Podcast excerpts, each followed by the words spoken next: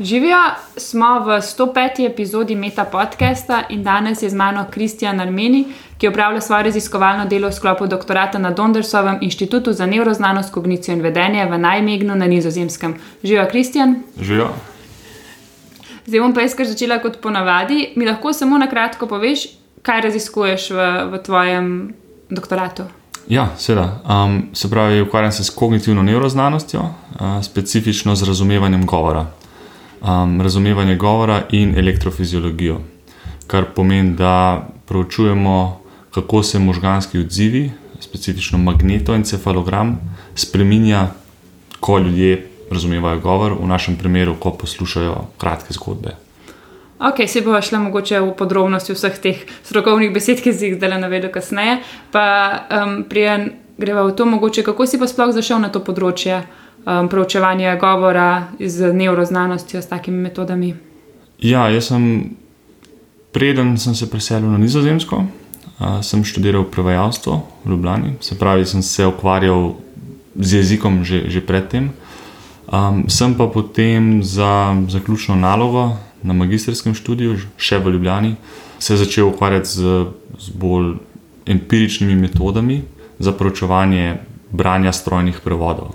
Pravi, še zmeraj s prevajalstvom, ampak sem uporabljal neko tehniko, ki se reče sledilec očesnih gibov, um, s katero lahko merimo, kako tekoče, oziroma ne tekoče je branje nekega prevoda in posledično, kako dober je ta prevod. In prek tega sem se pol uh, spoznal prvo s kognitivno znanostjo, potem pa bolj konkretno tudi z drugimi metodami, ne samo z merjenjem očesnih gibov, ampak se pravi z elektroencefalogramom, se pravi merjenje električnih odzivov na skalpu z, mag, z funkcijsko magnetno resonanco. Um, in si... potem, ko sem enkrat videl, kakšne možnosti tukaj so, kakšne možnosti raziskav obstajajo, sem našel uh, magistrski program specifično za kognitivno neuroznanost na nizozemskem. Uh, in je bila želja nekako tako močna, da bi se želel preusmeriti v to, se pravi, v, v znanstveno. Ja. Um, in sem se prijavil, no, in so me, so me sprejeli. Tako da sem naredil dvoleten magistrski program kognitivna neuroznanost, smer jezik. Um, tam so pred, na, v, na nizozemskem, tukaj v Najmegnu, so zelo močni na področju raziskav um, jezika, uh, od genetike jezika, psihologije, jezika, kognitivne neuroznanosti. Tako da je bilo tako zelo, se mi zdi zelo dobra izbira, da sem, da sem šel tja. No. Uh, po magistrskem sem pa ostal na istem inštitutu um, in nadaljeval z doktoratom, kjer sem še zdaj, pravi, v, v zadnjem letu. Mhm. In torej na doktoratu si, kot si že omenil, uporabljaš neke metode iz neuroznanosti za preučevanje tega, kako ljudje razumemo govor. Ja. Lahko kaj več poveš o tem, v bistvu, kaj so tvoje raziskovalne vprašanja, kakšen je ta mogoče širši kontekst, recimo kaj, kaj že vemo, če se še ne vemo. Ja, se pravi, uh, moj projekt je po eni strani metodološki, se pravi, razvijati neke nove pristope k poročevanju govora. Um, novost je pa v tem, da skušamo posneti možganske odzive.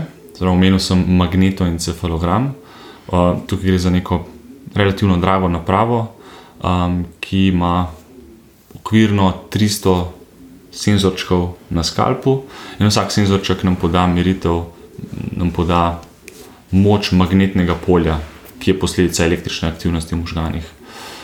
Um, v mojem primeru um, se ne zanimamo toliko za zgodnje faze procesiranja v možganjih, se pravi, kako poteka zaznavanje zvoka, glasnosti, uh, vem, um, barve, tona in podobno, ampak gre za zelo, tako, smo na zelo abstraktni ravni, se pravi, razumevanje besedila, kako povezujemo besede v fraze na kakšen način povezujemo besede v stavke in kako poteka razumevanje neke, neke cele zgodbe, se pravi, več kot samo stavke.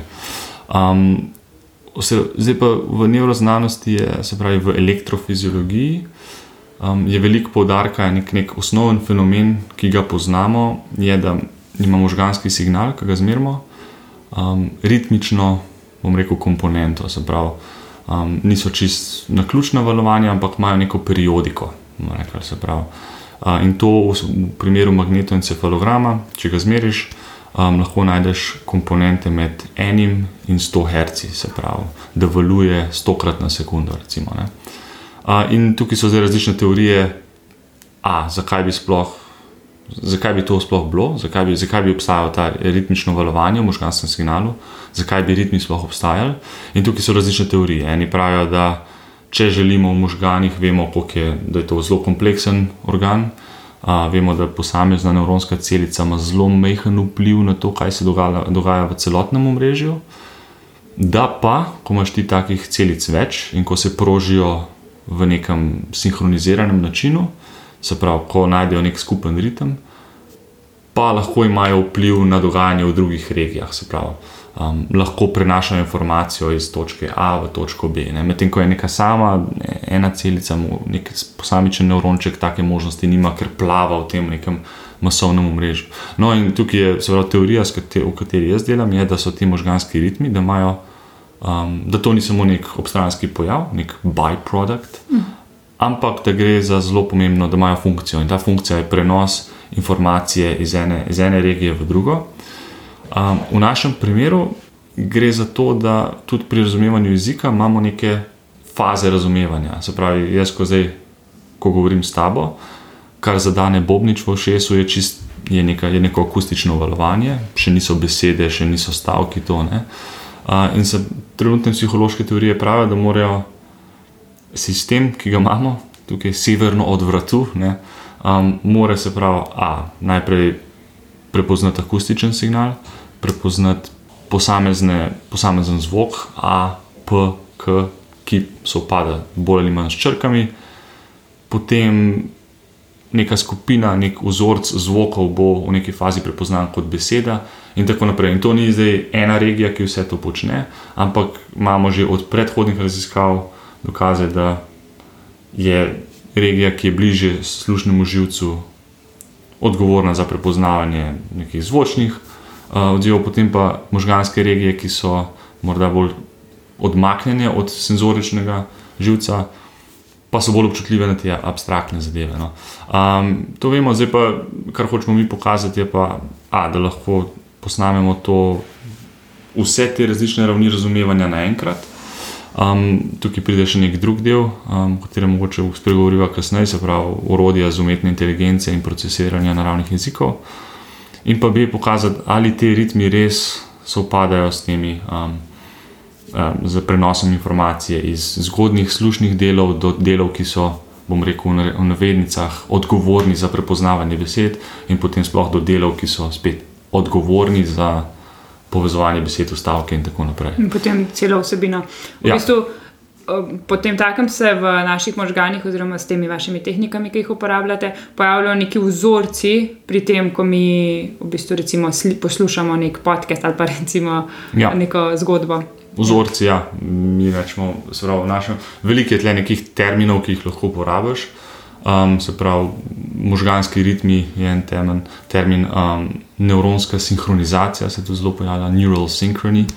Tukaj je veliko nekaj žarkona, no, ki bi ga lahko uporabil, ampak če ostanemo z možganskimi ritmi, ja. gre pa v osnovi za to, da zajamemo neko meritev, nek signal, zelo podoben, tako mogoče poslušalcem bolj znan signal, recimo elektrokardiogram, če si predstavljaš, mm -hmm. se pravi, gre za merjenje nekega signala skozi čas.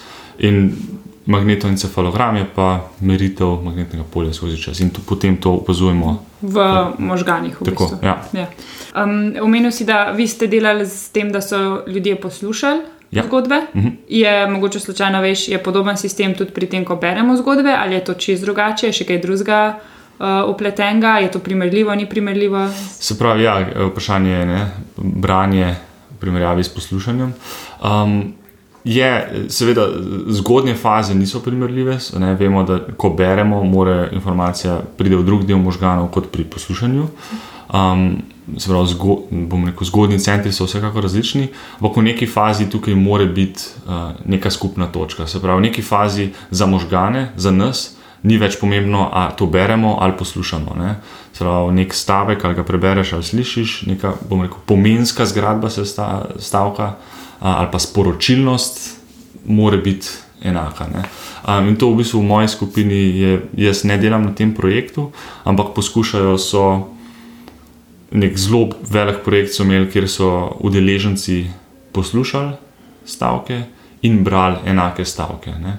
Um, in potem skušajo pogledati, ne, ali obstaja možganska aktivnost ki so jo izmerili pri obeh tipih stavkov, ki je maksimalno podobna, ki maks in kje v možganjih se ta podobnost najbolj preslika. Ne, se pravi, in tudi, seveda, so možganske regije spet ne v zgodnih centrih, ampak v centrih, ki so časovno mogoče mečem bolj aktivni, kasneje, ne, z nekim zamikom. Um, tako da so specifike, potem je pa še tako. Ne, se pravi, nekateri pravijo, da je poslušanje nekoliko, nekoliko bolj neko primarno ali pa naravno, uh, ker branje je le, je le v bistvu neka kulturna. Inovacija ne, neki, a, je bolj nedavno, ampak gotovo pa neki osnovni procesi so primerljivi. Ja, Ja, ker pri, pri, pri poslušanju verjetno tudi druge živali v bistvu se lahko naučijo, ne? za pse vemo, se lahko naučijo pomene kar velikega števila besed. Ja. Medtem, braj bi verjetno bolj težko, ne? oziroma lahko jih naučimo prepoznati eh, neke figure ali pa mm -hmm. neke te znake. Ne? Saj, Ja. Ne, je, veliko je nekih, tudi nekih raziskovalnih vprašanj, ki so zelo specifični za branje, od tega, da imamo neko, mo, nek možganski center, ki je specifično odgovoren za prepoznavanje oblike besed. Um, zelo tle, tukaj, pravi, kjer jaz študiram, je ena posebnost, je, jaz sem na Dondersovem inštitutu. Uh, je pa v istem mestu tudi Max Planck, se pravi Nemški inštitut za psiholingvistiko, in tam je cela skupina posvečena temu, ki se sprašuje, kako pismenost, se pravi sposobnost, da beremo, um, kako vpliva to na konfiguracijo možganov, na preoblikovanje povezav. Ne? In se pravi, grejo, mislim, da so bili v Indiji, kjer so še ujeli neke po- populacije um, ljudi, ki, ki niso pismeni, ki ne berejo. Um, In se naučijo brati, in potem spremljajo spremembe, kako to vpliva. Ne, ne, ne, ne vem, zdaj točno, kakšni so izsledki, no, ampak je tako, uh -huh. precej aktivno um, raziskovalno področje tudi to. Okay, in kako pa res uh, v praksi poteka to tvoje raziskovanje? Omenil si že prej udeležence, torej uh Mhm. -huh. ti verjetno zbereš neko skupino ljudi, jih povabiš, da pridejo k tebi na raziskave. in- Ja. V- No, pri nas imamo v bistvu, jaz dosti rečem, to so profesionalni udeleženci v raziskavah. Gre največkrat za študente na kampusu, ki z sodelovanjem v naših raziskavah uh, dobijo nek uh, šolski kredit, kreditne točke, no, ali pa so celo plačani. Um, drugače pa ja, um, se pravi, jaz se ukvarjam izključno z temu rečemo neko zdravo populacijo, ne gre za klinično tukaj. Um, največkrat so to študenti. Pomeni pa v mojem primeru, da um, vsaj v, v mojem doktoratu jaz sem bil odgovoren tako za izvedbo meritev, pravi za zbiranje podatkov. In to konkretno pomeni izmeriti mm, magnetoencefalogram pri da je bilo 28 udeležencih. Vsak udeleženec, ko pride v center, v, v laboratorij, je tam nekje med uro, uro in pol, moje snemanje je potekalo nekje 50 minut. Um, je pa verjetno v nekem tem spektru možnih poskusov, ki, ga, ki jih lahko izvedeš, moj poskus še najmanj, uh, najmanj bremenilen, bi rekel. Zato, ker pridejo. No, kaj pa so naredili poskusu? Če, Ja, če se pravi, opišeš? oni um, po pripravi grejo v, se usedejo v magnetoencefalogram uh, in morajo, v bistvu, edina naloga, ki jo imajo, je, da poslušajo kratke zgodbe. Se pravi, sedijo, um, merjenje poteka v sedečem položaju, imajo prazen nek, nek zaslon, črn zaslon in samo poslušajo. Po vsaki zgodbi, v tem primeru je to 5-10 minut kratke zgodbe, zaključene zgodbe, um, potem odgovorijo na neko zelo um, nezahtevno vsebinsko vprašanje, samo to, da smo lahko prepričani, da niso zaspali. Um, Pa tudi, da, da ja. spremljajo, verjetno, ker se zgodi. Jaz večkrat opazim, da mi je kdaj kakšne zvočne knjige ali pa recimo tudi podcaste, moram biti kar zbrana pri tem, ne, da lahko sledim ja. Ja. celotni vsebini. Kako pa pri teh vaših udeležencih, ne vem, če uro, uro in pol to poslušajo, morate se jih omeniti, ne z vprašanjem preverite, da so res poslušali, da Ja, niso da spali. jih tam. nekako angažiramo. Ampak- Zdaj, tako je, ne, ne moreš se izogniti temu dejstvu, da jih zapremo za eno uro v tisti uh, laboratorij uh, in zdaj pa ne, poslušaj. En, Se dogaja, da poročajo, potem, da so malo utrujeni, kdaj bili, ali pa da mogoče ni najbolj zanimiva zgodba in to bo tudi variralo. Ampak načeloma je, rešujemo to tako, da razbijemo eksperiment na neke krajše zgodbe, potem je odmor. Um, če se nam zdi, ali pa če odeležen sporoča, da ne vem, postajajo zelo zaspani, mogoče se lahko z njimi pogovarjamo, oziroma malo spregovorimo, vprašamo, kako je, tako da mečkam zbudimo pozornost. ne. Um, mogoče kakšna kava pred tem, če ni zelo skrižje z, z eksperimentom. Ampak ne da se čist tega preprečiti. No. Tudi, Ja. uh, tudi tako je, no, zaradi te, ker če mu jaz pravim, profesionalni udeleženci, ki pridejo za, za kreditne točke za, za plačilo, ne, um, včasih jih res sam zanima, da pridejo skozi in potem imaš malo problem z motivacijo. Pa. Imam pa zdaj, se pravi, to je bil prvi projekt, v drugem projektu zelo podobno, se pravi, poslušanje zgodb, ampak smo malo, uh, smo šli stopničko više, konkretno, da eden udeleženc posluša 10 ur, se pravi, celo audio knjigo. Ne.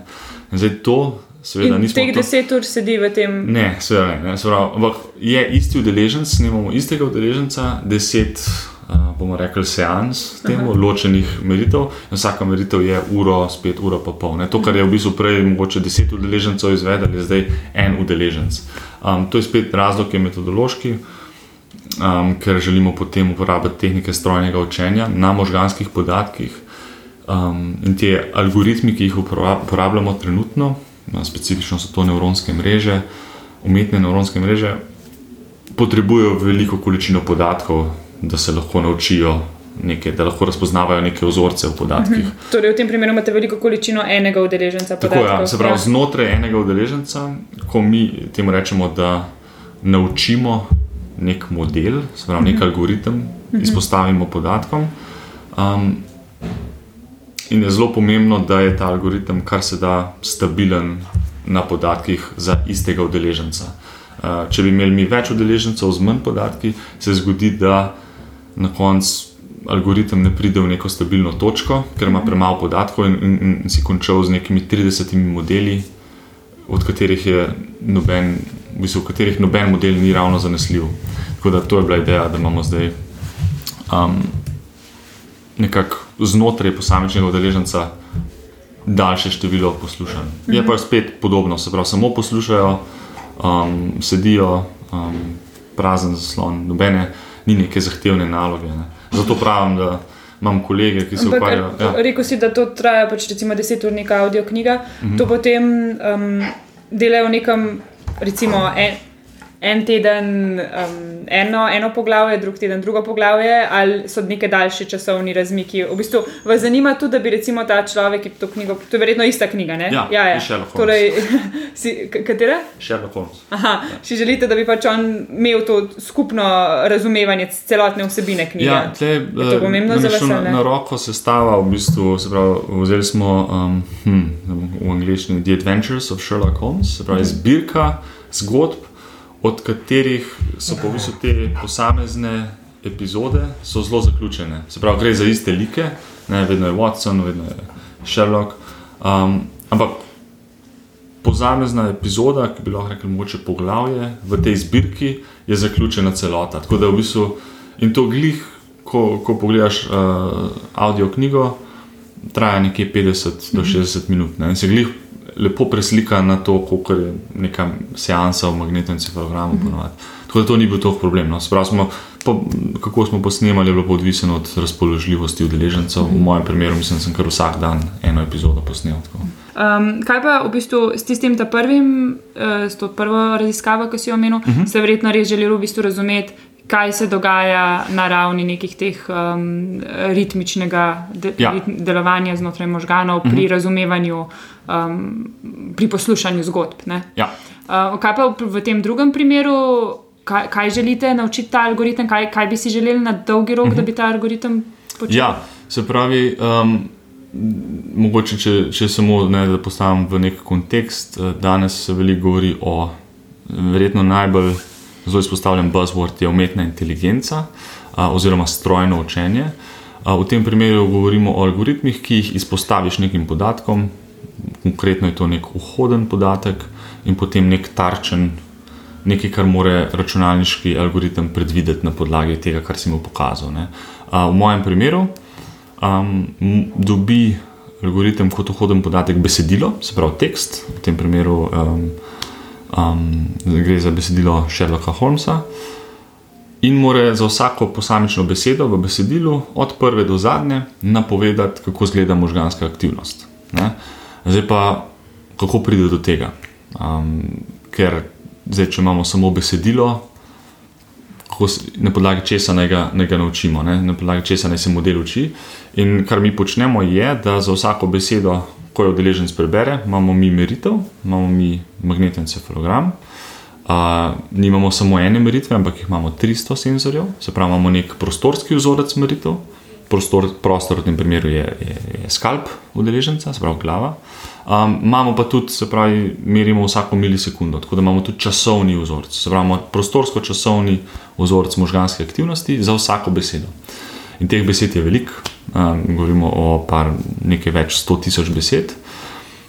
In naloga algoritma v tem primeru je, ok, besedo sem dubo, kako izgleda možganska aktivnost. In na začetku, verjetno v prvih fazah učenja, je algoritem katastrofalen napove neke vrednosti, aha, magnetni encefalogram mora izgledati tako le za to besedo, pa je verjetno čistim.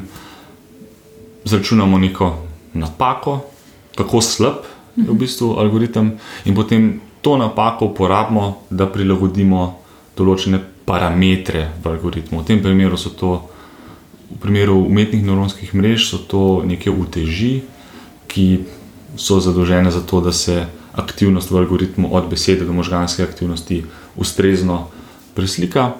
In ker to počnemo, ker vsakič zabeležimo, kako slab oziroma kako dober je, je bila napoved algoritma, in če je zelo slab, to uporabimo za to, da algoritem malo na, naštelamo, bom rekel. Um, pričakujemo, da se pol tekom učenja, ko procesira celotno besedilo, um, da se bo algoritem naučil prepoznavati neke vzorce v možganskem signalu, ki se opadajo z nekimi vzorci v besedilu. Ne? Kaj so pa vzorci v besedilu, to so pa besede, to so stavki, to so fraze. Ne? In se pravi, potem nas zanima, potem, ko enkrat imamo algoritem, se lahko vprašamo, ok, damo novo besedilo v algoritmu. Kako bo izgledal možganski signal, glede na to, kar se je naučil. Ne? V katerih možganskih regijah bo algoritem najbolje predvidel signal, in v tistih, kjer, kjer je najbolj uspešen, lahko rečemo, aha, Se pravi, tam so neki možganski vzorci, ki so zelo podobni vzorcem v besedilu. Um, take stvari. Se pravi, imamo nek, bom rekel, ne vem, če to zdaj čisto točno, ampak in siliko model možganov, ki ga potem lahko tudi uh, po mili volji uh, manipuliramo, vzamemo kakšno komponento ven. Pa je, ta, pa je ta model v bistvu potem res prilagojen samo na knjige, ki jih je napisal Arthur, Arthur Conan Doyle ja, v tem primeru, ja, ne, v tem primeru se pravi, ker ga, mi, ker, ker ga, ker ga naučimo samo na, na, na Sherlocku, ja. a, je res, je se pravi, model razumevanja Sherlocka Holmesa. Um, to zdaj je v bistvu zelo, zelo nov pristop. Druga varianta je pa ne to, kar je bilo v tvojem vprašanju zdaj prisotno. Kaj pa, če bi imeli nek model, ki ga naučimo na različnih besedilih? Um, ampak v tem primeru pa nimaš možganskih podatkov, ne? recimo celo Wikipedijo, da daš v model, uh, sprocesira.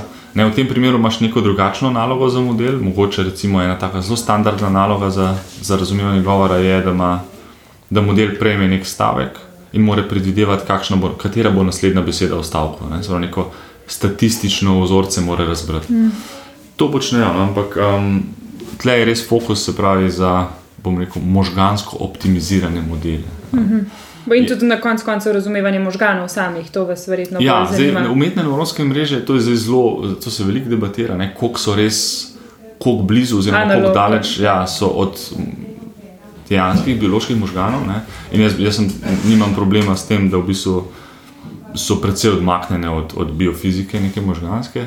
Ampak za naše razmere jih jemljemo kot nek um, abstrakten model. Ne, ne, ne rabijo biti biofizikalno zelo detaljne, um, so, pa, so pa urejene v neke, bom rekel, plasti, se pravi, imajo neko hierarhično urejenost te neuronske mreže.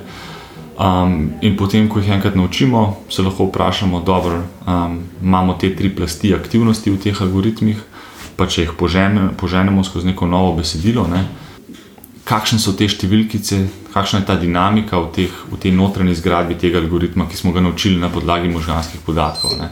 Če eno vprašanje imam, so ti tvoji udeleženci, ko so poslušali te zgodbe um, ali Sherlocka Holmesa ali pa mm -hmm. predhodne, poslušali v angleščini, v nizozemščini? Prvi projekt je bil nizozemščina.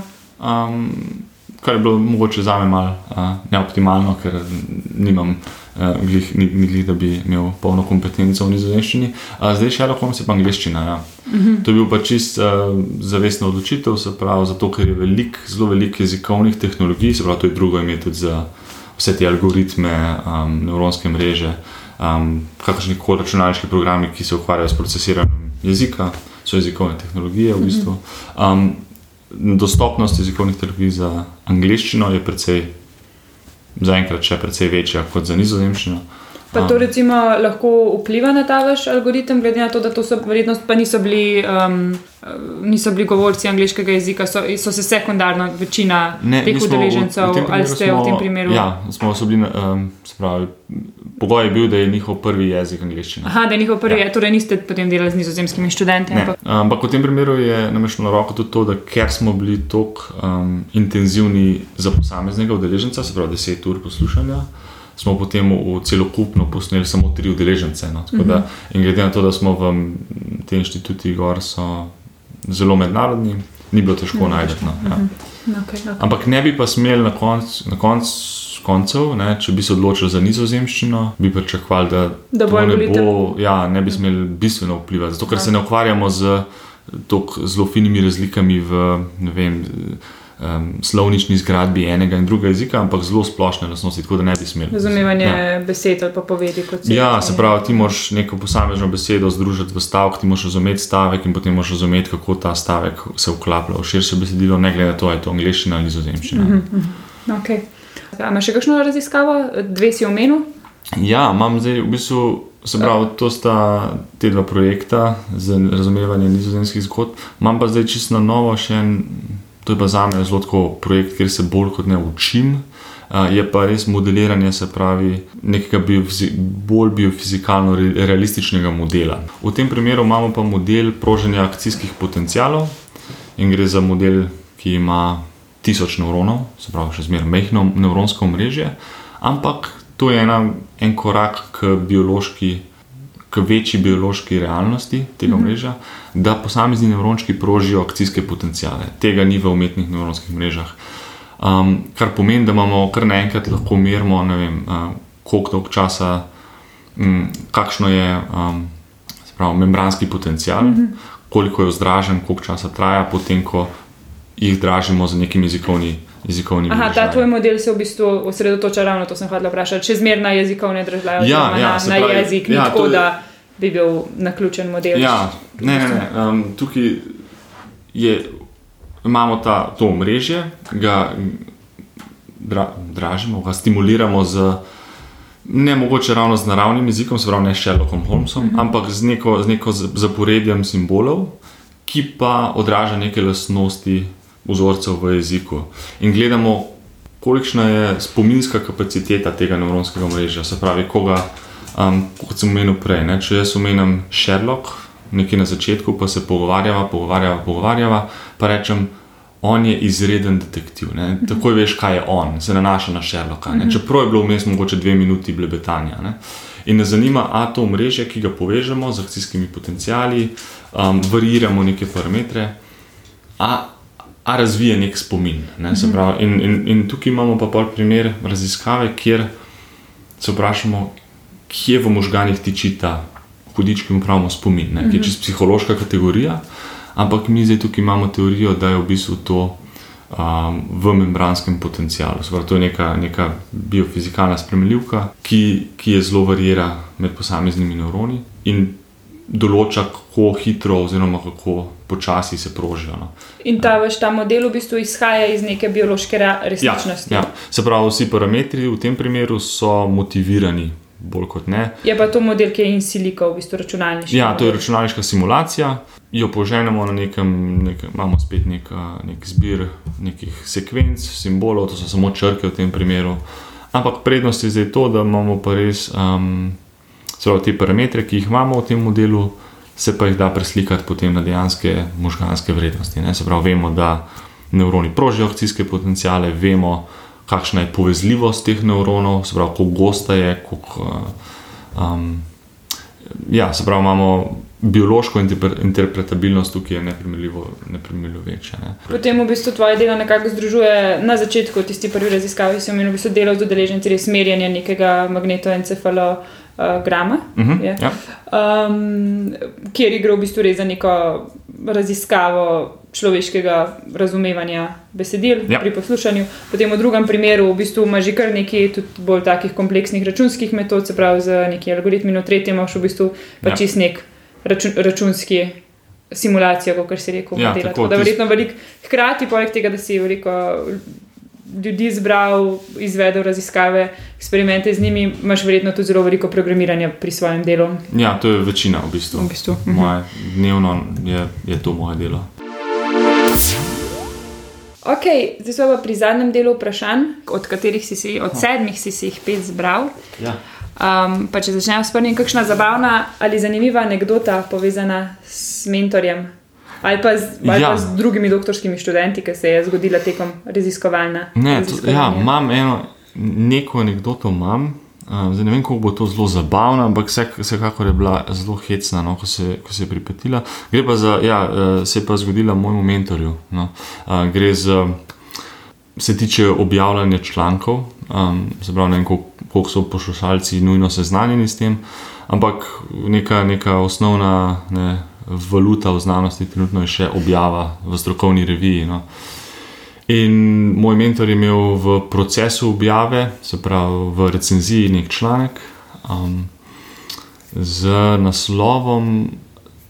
Ni, ni pomembno, o čem je bila v bistvu raziskava, no, ampak obstaja nek fenomen, ki se imenuje v angleščini neural entrainment. Uh, entrainment kot uh, nevronsko, hm, zdaj pa to prevesti. Entrainment je kot utreniranje, no, če, če, če grem Ja. zelo dobesedno. Ne? Entrainment. In to je bilo tudi v naslovu članka. Se pravi, članek je bil recenziran, mislim, da je bila recenzija pozitivna. Uh, in je bilo treba, potem gre pa to še skozi nek, nek, neko urejanje, neko lekturo. Ne. In um, potem pa mislim, da so to urejali v nekem ustaljenem pisarniškem programu, mislim, da je bil Word. Um, gre skozi lekturo, tudi uh, pravi, razno urejanje, postavljanje slik, postavitev se konča in pride članek ven. In kar naenkrat, ne, uh, stvar gre tudi na Twitter, seveda, ne, ker vsi ti inštituti imajo neke uradne Twitter račune, tvitajo o tem, uh, čukajo po naše. Um, in pride na sestanek naš mentor, ne, pa pravi, ja, ta članek je prišel ven, ne, ampak uh, smola, ne, ta neural entrainment se je nekje v tem procesu pretvoril v entertainment. Ne, je postal neko zabavljaštvo. Ne, in, je, in je on imel v, za nek določen čas imel objavljen članek o nevronskem zabavljaštvu ne, in njegovi vlogi za razumevanje jezika. Um, Je pa tako, no, uh, blazno, meni zelo, tak, zelo posrečena taka besedna igra, ne zelo smešna. Um, tudi interno imamo zdaj šalo, da kadarkoli beremo članke o entrainmentu, ne rečemo, aha, to je pa entertainment. Ne. Um, je pa tudi taka malo lekcija, ne, koliko je danes v bistvu, koliko hitimo s tem nekim objavljanjem. Um, kako so se od opisa do danes spremenila tvoja pričakovanja glede doktorskega študija? Bi se še enkrat upisal na doktorat? Um, odgovor na drugo vprašanje je da, spravi bi se. Um, je pa res, da so se eh, pričakovanja, ja, neke spremembe vsekakor so. Um, ko sem začel, sploh prvi, drugi letnik, um, prvo, drugo leto doktorata, um, mislim, da sem bil miselno zelo tako v, po moje, kot, kot vsak drug študent, v, zelo fokusiran na temo, na motivacijo, zakaj to počnemo, kakšne so vprašanja, ki jih naslavljamo, kakšna je zadnja teorija. Um, zelo me je zanimala tudi filozofija neuroznanosti, zakaj ne, rabimo te drage naprave, ali nam omogočajo razumevanje ali ne. Pravi, prvi, prvi leta zelo veliko nekega entuzijazma in ener- energije v tej smeri. Um, sem pa opazil, da zdaj zadnji dve, zadnje leto, zadnji dve leti, sem prevzel nek odnos, da v smislu mojo doktorsko disertacijo bojo verjetno prebrali trije ljudje, mentor, promotor, pa če bo res komisija to prebrala, še vprašanje, ne tako malo ciničen odnos. A, in se zelo osredotočam, v bistvu me zanima, zanimajo me neke veščine, neka znanja, ki jih bom pridobil v teh projektih, neke povezave. Um, zdaj, kako točno bom pa izpeljal to doktorsko disertacijo, kako točno bo ta knjigica izgledala na koncu, pa tako. No, rekel, ne, ni, sploh ne, da ni pomembno, ampak sem se malo razbremenil tega pritiska, da mora biti to neka popolna naracija od A do Z, ne? mm. neki super logični projekti, ker ne gre tako v realnosti.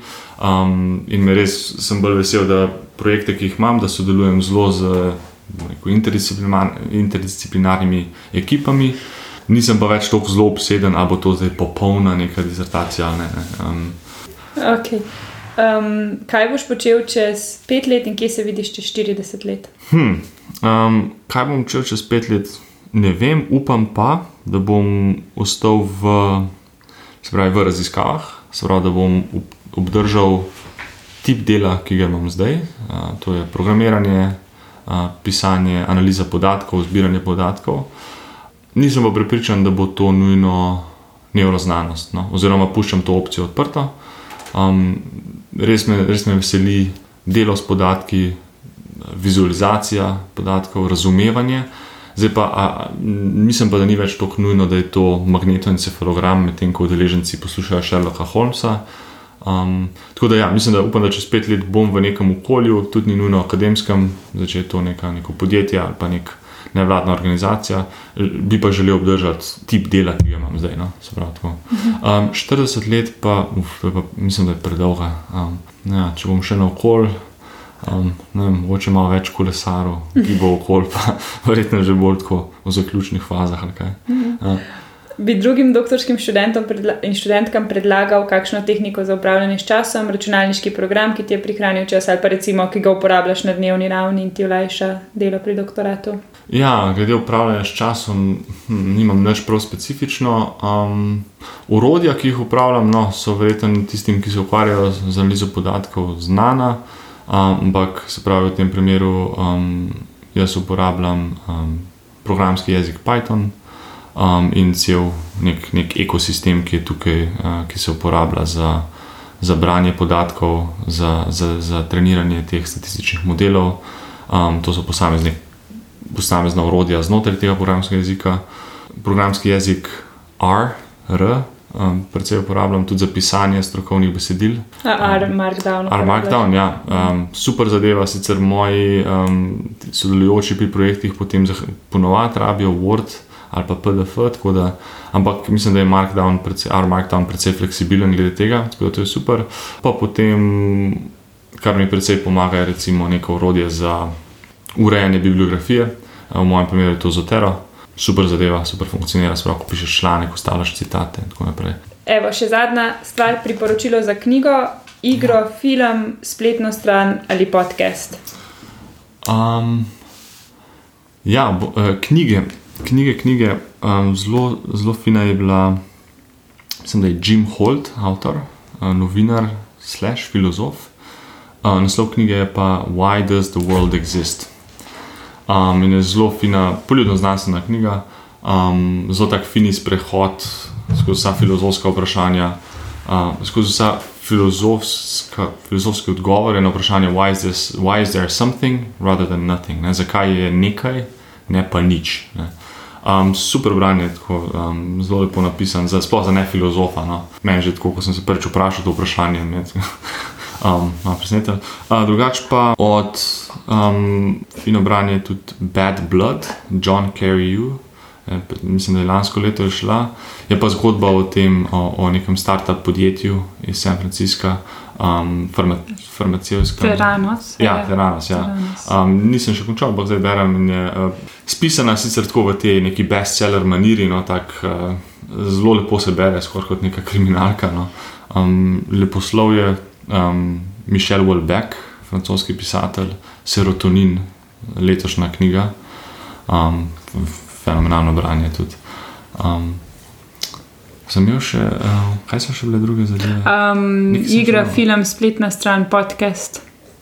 Uh, film, uh, ti si bil fini. Um, I bil three billboards outside Evening, Missouri. Mm -hmm. um, še kakšen podcast? Poslušaš, uh, ne poslušaš? Spremljam, ja, podcaste. Uh, v bistvu precej, precej fini so mi Guardianovi podcasti. Uh, Today in Focus, ki so bolj aktualnosti, uh, Guardian Books o knjigah. Um, za kar se tiče mogoče statistike strojnega učenja, um, not so standard deviations, um, zelo fajn podcast za zelo dolge epizode za moj, za moj okus, ampak veliko o programskem jeziku R, analizi podatkov, vizualizaciji. Potem imam pa še, starih pa se niti ne spomnim, so pa razni podcasti o programskem jeziku Python. Ampak recimo te, te tri bi, bi lahko izpostavil. Ja. Ok, hvala, ja. da si si vzel čas. Hvala tebi za povabilo. Poslušali ste Meta podcast, v katerem se pogovarjamo z mladimi znanstveniki in znanstvenicami z različnih področji znanosti. Podcast domuje na spletišču metinalista.si, kjer najdete tudi druge zanimive znanstvene vsebine. Naše delo lahko podprete z donacijo Metini listi, pohvale, pripombe in predloge lahko posredujete po e-mailu znanostafna.metinalista.si. Dobrodošli so tudi komentarji na Facebook profilu Metina Liste in na Twitterju Afna Metina Lista, kjer uporabite hashtag MetaPodcast. Se slišimo čez 14 dni.